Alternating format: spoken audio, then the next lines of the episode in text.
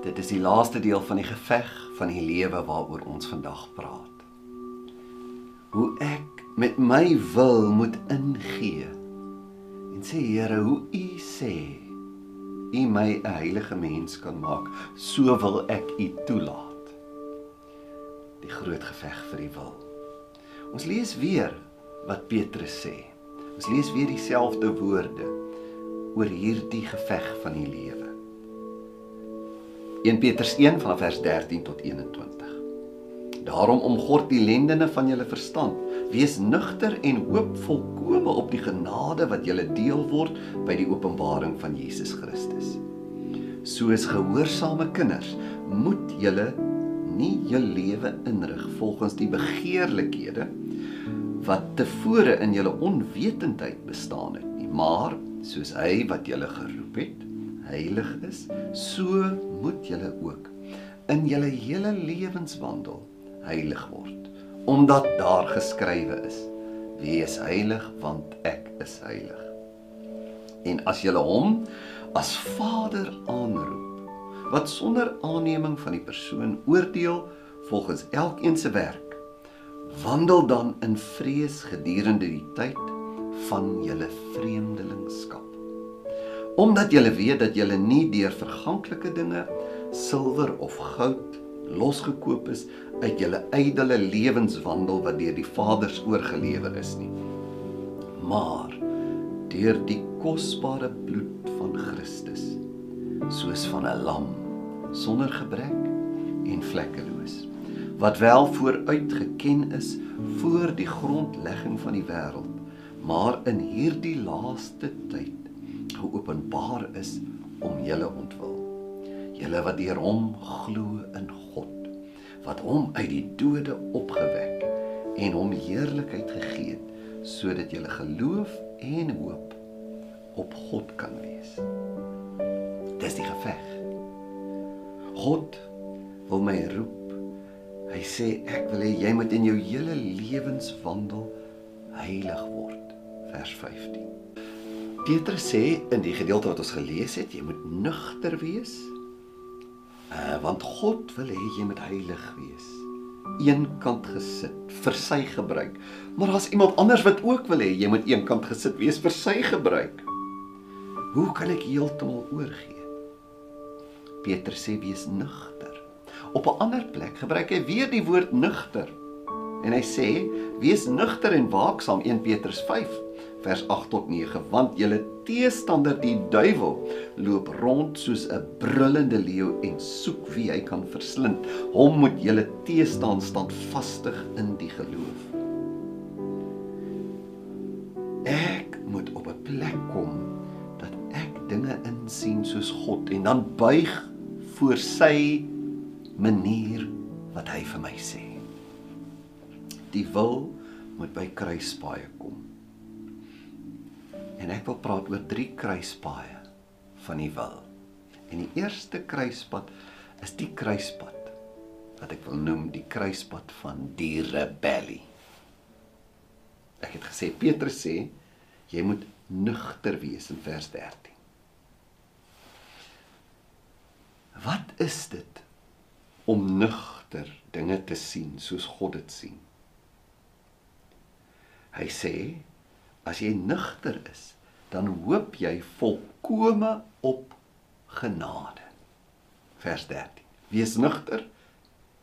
En die effek van nugterheid is dat jy net op genade sal hoop. Jou enigste hoop is om te weet jy verdien niks nie. Hoe die skrif sê, jy nugter aan jouself moet dink is dat jy net deur genade gehelp kan word. Omdat daar 'n diepgaande rebellie in elke mens se binneste is. 'n Vernietigende neiging. Iets waarvoor elke mens radikale transformasie nodig het. Ek lees van Jeniel Dinoor. Hy was 'n Jood wat die Nazi konsentrasiekampe oorleef het. In 1961 was hy een van die getuies in die hofsaak teen Adolf Eichmann. Daardie luitenant-kolonel wat een van die hooforganiseerders van die uitwissing van die Jode was. In hierdie hofsaal, hierdie vertrek het Eichmann in 'n glaskamer gesit. En toe Dinoer die hofsaal binnekom en Eichmann sien, het hy verstar. En toe het hy buite beheer begin snik en net daar ineengestort. Was 'n baie dramatiese oomblik. Daar was pandemonium in die hof. Die hofsaak is wêreldwyd gevolg en baie boeke is daaroor geskryf. In een boek van Hannah Arendt, Eichmann in Jerusalem, skryf sy van the banality of evil om Eichmann te beskryf. Nou daar was 'n televisieonderhoud wat jare later met Yehil Dinoor gevoer is wat daar in die hof ineengestort het. En ek lees daarvan die onderhoudvoerder Mike Wallace van CBS het hom hierdie vraag gevra. Tell me why did you collapse? What did you feel at that moment? What happened that so overwhelmed and overpowered you? Was it was it hatred for the man who had killed so many of your friends and relatives? Was it hatred? Or was it fear? Just being in the presence of such a wicked and evil person? Or was it some kind of post traumatic stress syndrome? Did you suddenly have tremendous flashbacks? Did a horrible scene suddenly appear before you and it overwhelmed you? Why did you collapse? What did you feel? Dis wat Mike Wallace hom vra. En dan Daniel ag eh, Jehiel Dinoor se aangrypende antwoord. Luister. Dit het my so aangespreek toe ek dit lees. No. None of the above. When I walked in and I saw him, I suddenly realized he was no demon or superhuman. He was an ordinary human being exactly like me. And suddenly I became terrified about myself. Because I saw I was capable of the exact same thing. hierdie ontstellende realiteit is een van die basiese kruispaaie waar 'n mens met jou wil 'n keuse moet maak. Is ek bereid om dit te erken? Ek is ook so. Die feit van my rebellie. Ek het gesê Hannah Arendt het daai boek geskryf oor Eichmann, maar ek sê sy was verkeerd toe sy oor hom skryf. Hy is nie net 'n banale eksentrieke uitsondering nie, hy's die norm. Dit is wat Dinoor sê. Ek het myself gesien. Rebellie. Donkerte, dis die norm. Dit was in hom. Dit is in ons dis in my. Hierdie waarheid oor my vervallenheid vorm 'n groot deel van die fondasie van hoop. Die boodskap van hoop en transformasie wat in die Bybel is. 'n Mens kan getransformeer word, maar jy moet erken dat jy transformasie nodig het. In die geveg vir jou wil is daar 'n vyand wat nie wil hê jy moet dit erken nie.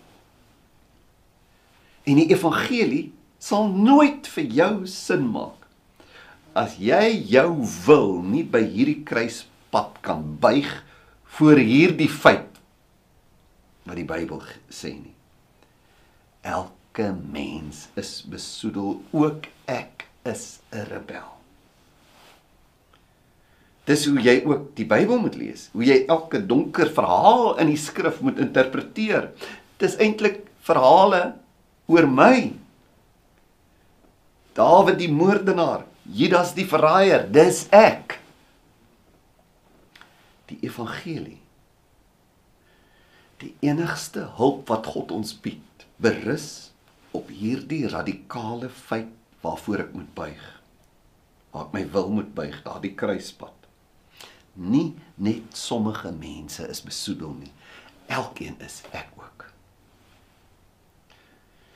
Soms praat mense van Jesus se boodskap asof hy net kom sê wees lief vir mekaar. Asof ons deur uh, goeie dinge vir mense te doen punte in die hemel kan opbou. Is dit waarvoor martelaars hulle lewe gegee het en Jesus self? Mense praat asof Jesus se woorde en veral daardie mooi bekende bergpredikasie van hom net 'n mooi etiese boodskap was. Dis glad nie wat dit was nie. Sy boodskap was radikaal verdoemend. Hoor wat ek sê? Sy boodskap was radikaal verdoemend sodat dit radikaal hoop kan bring. Hy sê dinge soos: As jy net 'n wrok hou teen iemand, is jy 'n moordenaar. Jy's eegman. As jy bloot gedagtes het oor 'n mooi vrou, is jy 'n egbreker. As jy jaloers is, is jy 'n rower. As jy synig is, dien jy afgode. Hy noem dinge wat elkeen van ons wil ontken. Ek is nie so nie. Maar my wil gaan by daai kruispunt moet buig. Moet erken. Dis in my. Ek is so besmet soos Adolf Eichmann. My selfsug, my gebrek aan selfbeheersing, my voorgee en skyn verdoem my. En dit is die kruispunt waar my wil moet buig of aanhou rebelleer, sê ek stem nie saam met die boodskap van die Bybel nie. Dis waar Paulus gekom het toe hy uitgeroep het: Ek elendige mens, wie sal my verlos van die liggaam van hierdie dood? Romeine 7 vers 24. Ek moet verander. Ek moet verlos word. Ek moet nuut gemaak word, heilig gemaak word. Petrus sê wees heilig. Maar hy sê die enigste manier is dink nugter en hoop volkome net op een ding, genade. Dink weer aan wat Petrus sê, wees nugter. Vir 'n Christen beteken dit om in voeling te wees met realiteit. Die realiteit van God se boodskap en nie onder die invloed van menslike ideologieë of fantasieë wat nie strook met die inligting van die evangelie nie. Jy sien die wil moet kom by die kruispunt waar jy buig voor wat ek wil noem hierdie ekstreme pessimisme van die evangelie. Want as jy nie dit doen nie, kan jy nooit wat ek wil noem die ekstreme optimisme van die evangelie beleef nie. Jy sien mense is of baie pessimisties of baie optimisties of ergens tussenin. Maar Christene is gelyktydig meer pessimisties as die grootste pessimiste en meer optimisties as die grootste optimisme. 'n nou, Optimiste. Baie sosioloë meen die wêreld kan eintlik nie verander nie. Daar is geen oplossing wat hulle kan sien vir die dwelmkrisis, die krisis van armoede en ongelykheid dakloosheid, werkloosheid en misdaad in hierdie wêreld nie. Die Bybel is nog meer pessimisties as dit. Die Bybel reken nie dat net dwelmslawe, kriminele en dakloses geen hoop het nie. Die Bybel reken geen mens het hoop tot herstel nie. Elke mens, nie net daardie dwelmslawe nie. Nie net daardie randfiguur nie, almal is vasgevang in 'n disfunksionele verslawing in hulle eie binneste. En die Bybel is ook meer pessimisties as alle ander godsdienste, as alle ander godsdienste. Hulle sê almal basies dieselfde ding, leef 'n beter lewe, dan sal jou toekoms beter wees. Die Bybel verskil. En dit sê selfs dat jou beste pogings ook rebellie teen God is. Nou ander mense is nou weer optimiste. Hulle sê ons kan dinge verander. I believe I can fly. Die mens is net 'n edelwese. En weer is Christendom oneindig meer optimisties. Dit konstateer 'n baie groter feit. Optimisties tot in die oortreffende trap dat 'n gelowige in hierdie lewe in enige krisis meer as 'n oorwinnaar kan wees en dat na hierdie lewe alle trane afgedroog sal af, afgedroog sal word, alle krisisse verby sal wees, dat alles nuut gemaak sal word, dat daar 'n oneindige toekoms is waar daar geen onreg sal plaasvind nie. En dat enige iemand wat wil alreeds nou daaraan kan begin deel hê sonder om dit te verdien. Kan jy sien? Dis wat Petrus meen as hy sê ons moet nugter wees en volkome ons hoop op net een ding stel. Genade wat jy nie verdien nie. Gelowiges is nie gewone pessimiste nie. Ook nie gewone optimiste nie. Ook nie in die middel nie. Hulle is totaal anders onbeïnvloed deur menslike idees, nugter om te verstaan net genade kan my help. Net in genade het ek 'n toekoms om reg te leef en heilig te wees.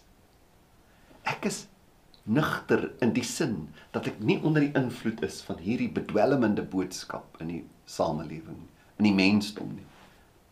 Ek is onder die invloed van 'n gans ander boodskap.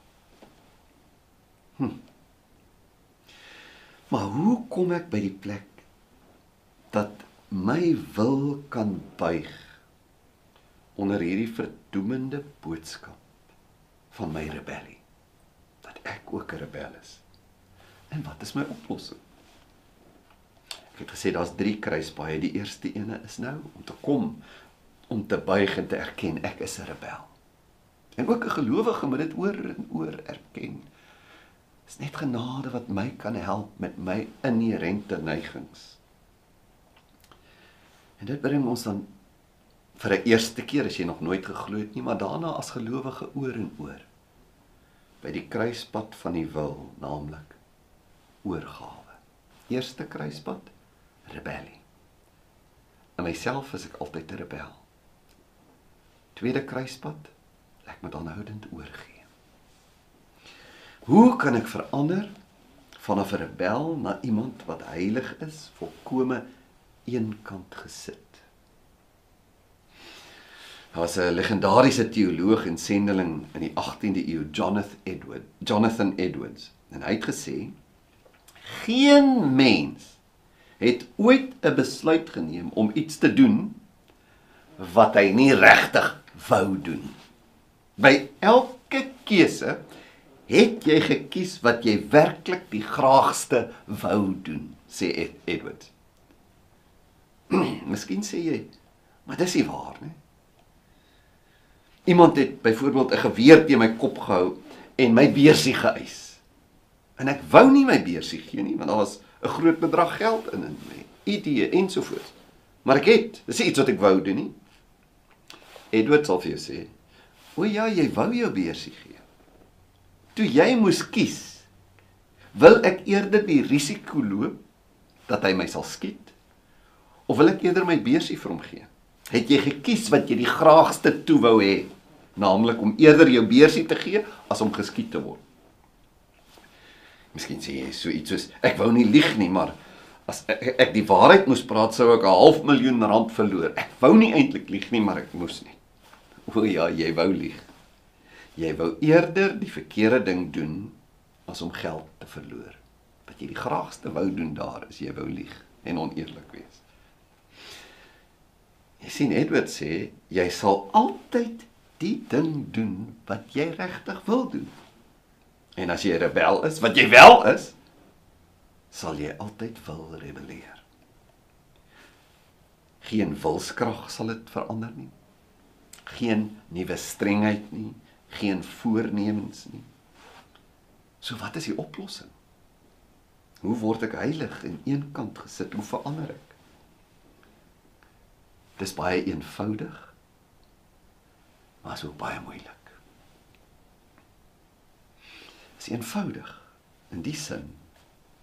As ek nou gesien Petrus sê, hoop volkome op genade. Dis eenvoudig, as net een oplossing en dis genade.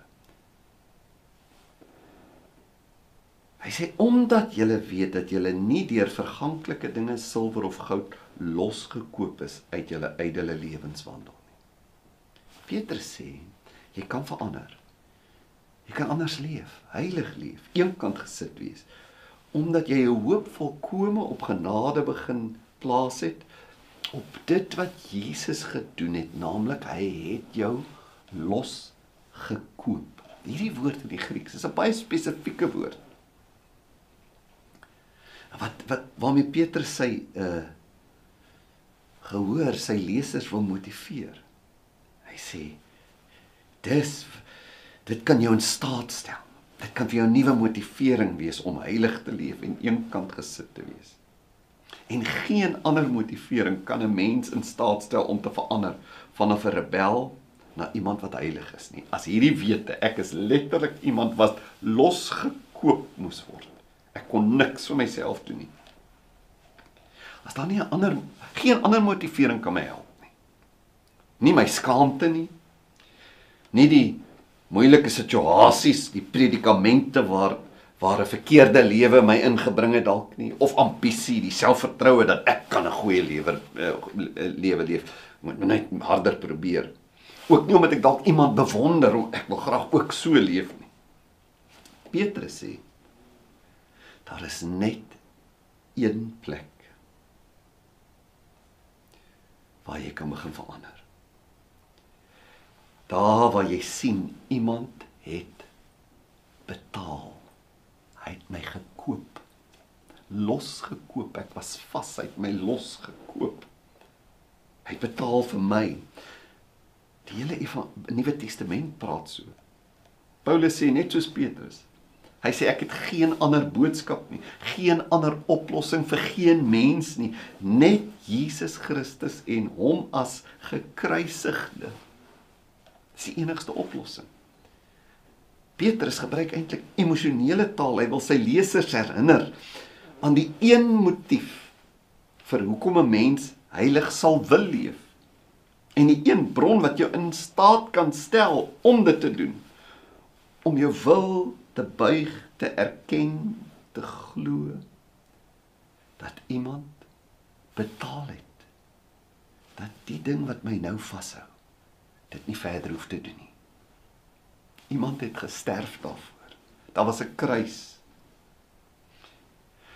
Petrus sê as jy dink aan wat jou sondigheid iemand gekos het, dan is daar vir jou hoop om te verander. Dink aan wat hy gedoen het en gee elke stukkie rebellie oor aan hom. Plaas jou hoop volkome op die genade, die prys wat dit gekos het, nie silwer of goud nie, maar bloed. Paulus sê dit. Petrus sê dit. Niks anders kan jou help om te verander. Niks anders kan jou heilig nie. En Jesus self het dit gesê. In Johannes 17 het hy 'n aangrypende gebed gebid en in vers 19 sê hy: Ek heilig myself vir hulle sodat hulle ook in waarheid geheilig kan wees. Ek heilig myself vir hulle. Wat beteken dit? Dit kan tog nie beteken dat hy vergifnis vir sy sonde vra nie. Asseblief Vader, neem onheilige dinge uit my lewe uit sodat ek hulle kan help nie. Nee. Hy sê ek sit myself eenkant, Vader. Ek is beskikbaar om te sterf in onheilige mense se plek. Die misterie van die evangelie is al wat my kan help in enige krisis van die lewe, oor en oor. Ons leef ons geloof aan die voet van die kruis waar ons ons wil buig en sê Here, nie deur wilskrag nie, maar deur die oorgawe van my wil, help U my hier. Dis wat Peter sê. Dink aan die prys. Plaas jou hoop op genade. Dis al wat jou kan heilig en verander. Maar ek het gesê dis eenvoudig. Daar's net een oplossing. Al my dissiplines, al my gebede, elke keer as ek vir iemand gesê ek is jammer is omdat ek by die kruis was en hy my help. Dis eenvoudig, maar ek het gesê ook is baie moeilik. Hoekom is dit moeilik? Want daar is net een hoop. Moeilik want ek moet weer en weer my natuurlike hoogmoed, my eie wilskrag, my verwronge idees, ek is nie so sleg nie, ek sal kan verander, ek kan dit doen. Ek is nie soos Eichmann nie. Die verkeerde dinge in my lewe is of was nie eintlik my fout nie. Ek kan 'n beter lewe leef, 'n goeie mens wees. Ek moet al daardie illusies van my eie goedheid laat gaan en iets in my DNS wil dit nie doen nie. Wil nie ophou leef uit my eie meriete, my eie selfregverdiging of wilskrag nie. Daarom is dit moeilik om oor en oor te gaan na die kruis toe. Daardie prentjie te sien en te vra hoekom moes dit gebeur? Om oor en oor by die kruispad nie van wilskrag nie, maar die oorgawe van my wil. Erken Here, U wil nie myne nie. Help my. Dis die wese van ons geloof en ons transformasie. Dis nie selfverbetering nie. Dis die oorgawe. Ek kan nie Here help my. Dis die rede hoekom ek 'n stilte tyd hou. Dis ook die rede hoekom ek kerk toe gaan. Help my, praat met my. Dis die rede hoekom ek sing en aanbid, Here, as U my nie ontmoet nie, as ek nie weer bewus word van wat U vir my gedoen het en dat U my kan help nie, wat sal ek doen? En dis om dit moeilik is om dit te doen want ek is geprogrammeer om te dink ek kan dit. Ek is goed. Drie kruispaaie van die wil sê ons vandag. 1 die kruispad van die rebellie, 2 die kruispad van die oorgawes wat ek moet maak oor en oor. En laastens die kruispad van vreemdelingskap.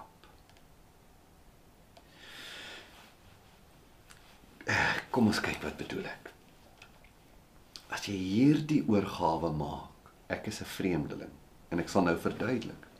Sal dit jou hele manier van lewe penetreer en jou al hoe meer heilig maak, al hoe meer van binne af buitentoe verander.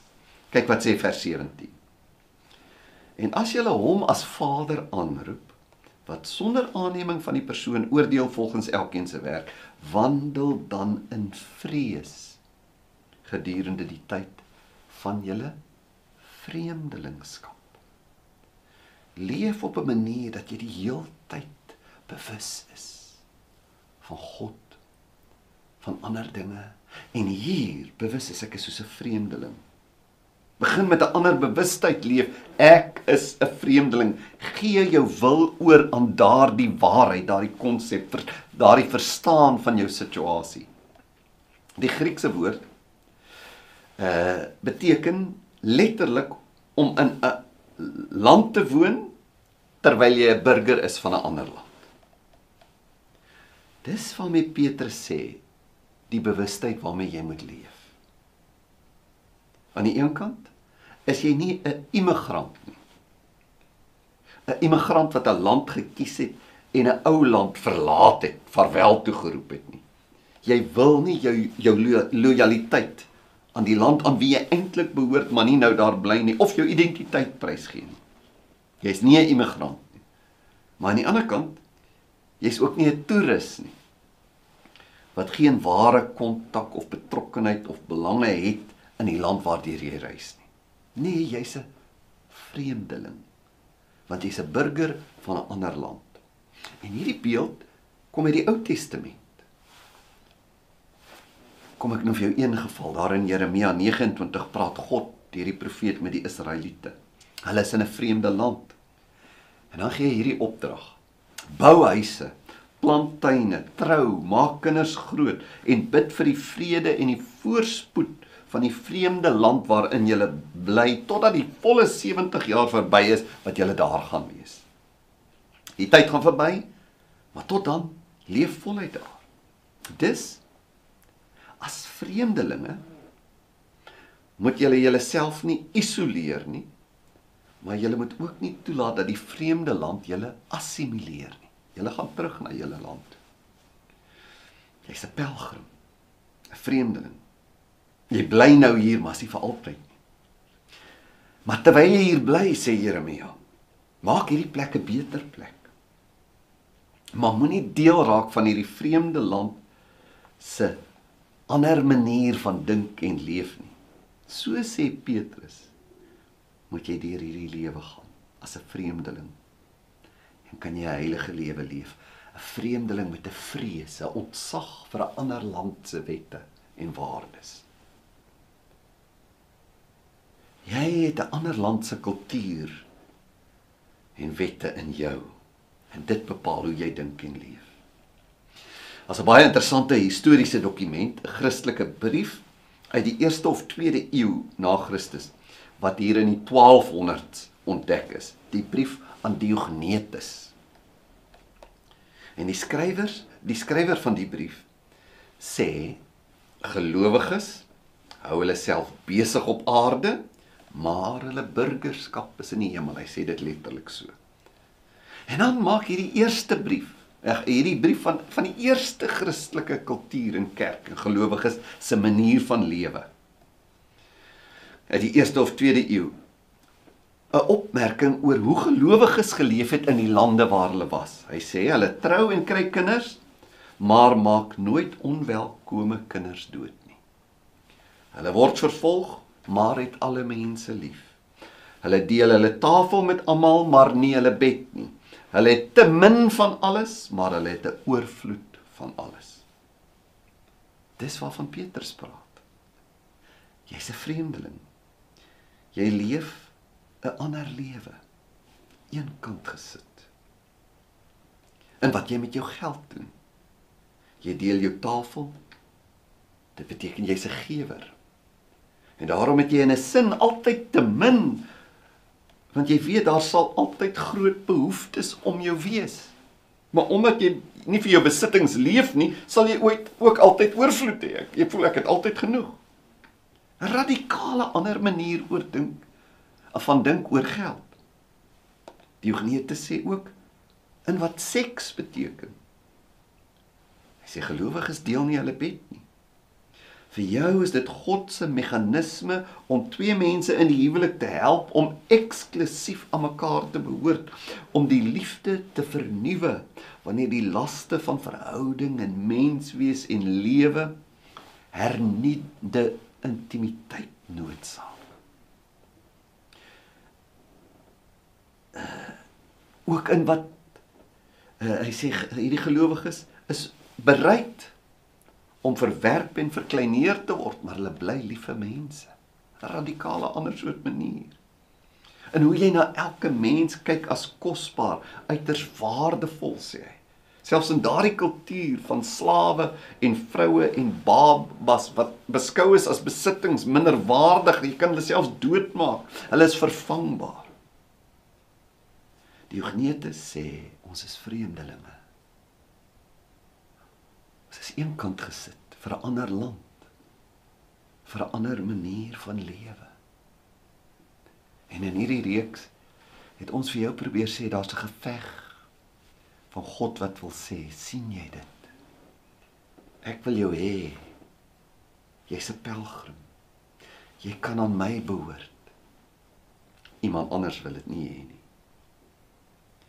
Aan die einde van vandag se diens wil ek jou vra het jy by die kruispunt al gebuig waar jy erken ook jy is gelowige in my is 'n rebellie As ek nie oor en oor erken ek kan nie met my eie wilskrag 'n beter mens wees nie, maar ek moet oor en oor tweedens by 'n plek van oorgawe kom, daardie kruispunt. Dis die kern van toewyding. Die soek na sy stem. Die oorgee aan sy woorde en sy stem in my gewete in die skrif deur ander mense oorgee. En die kruispunt van vreemdelingskap. Miskien is jy 'n gelowige, maar jy het so vasgeraak aan hierdie wêreldse manier van dink. Dat die skrif en sy manier eintlik vir jou amper oudtyds en irrelevant geraak het. Dalk roep God jou terug vandag. Miskien het jy is jy 'n ongelowige. En jy hoor vandag van 'n radikale ander lewensbeskouing. Daar's 'n geveg wat vir jou wil sê, ag, moet jou nie daaraan steur nie. Maar jy weet hier binne in jou roep iemand jou. Ek bid vir jou dat jy kan buig met jou wil voor hierdie groter wil. Kom ons bid saam. O Here, ek bid dat ons oor en oor ja ook hierdie donker boodskap van die Bybel sal verwelkom en aanvaar en buig met ons wil daarvoor. Ek is 'n rebel. Ek kan nie lief hê soos ek moet nie. Ek kan nie leef soos ek moet nie. Maar daar's ook hierdie wonderlike uitnodiging. Hoop op genade. Wil daaraan oorgee, Here. U alleen is my hoop. En help my om te leef as 'n vreemdeling met die wete ek is op pad ergens heen. En dis nie die moeite werd om my hier te laat verstrengel in die donkerte van hierdie soort lewe nie. Dankie Here dat U die geveg wen in ons. As ons ons wil na U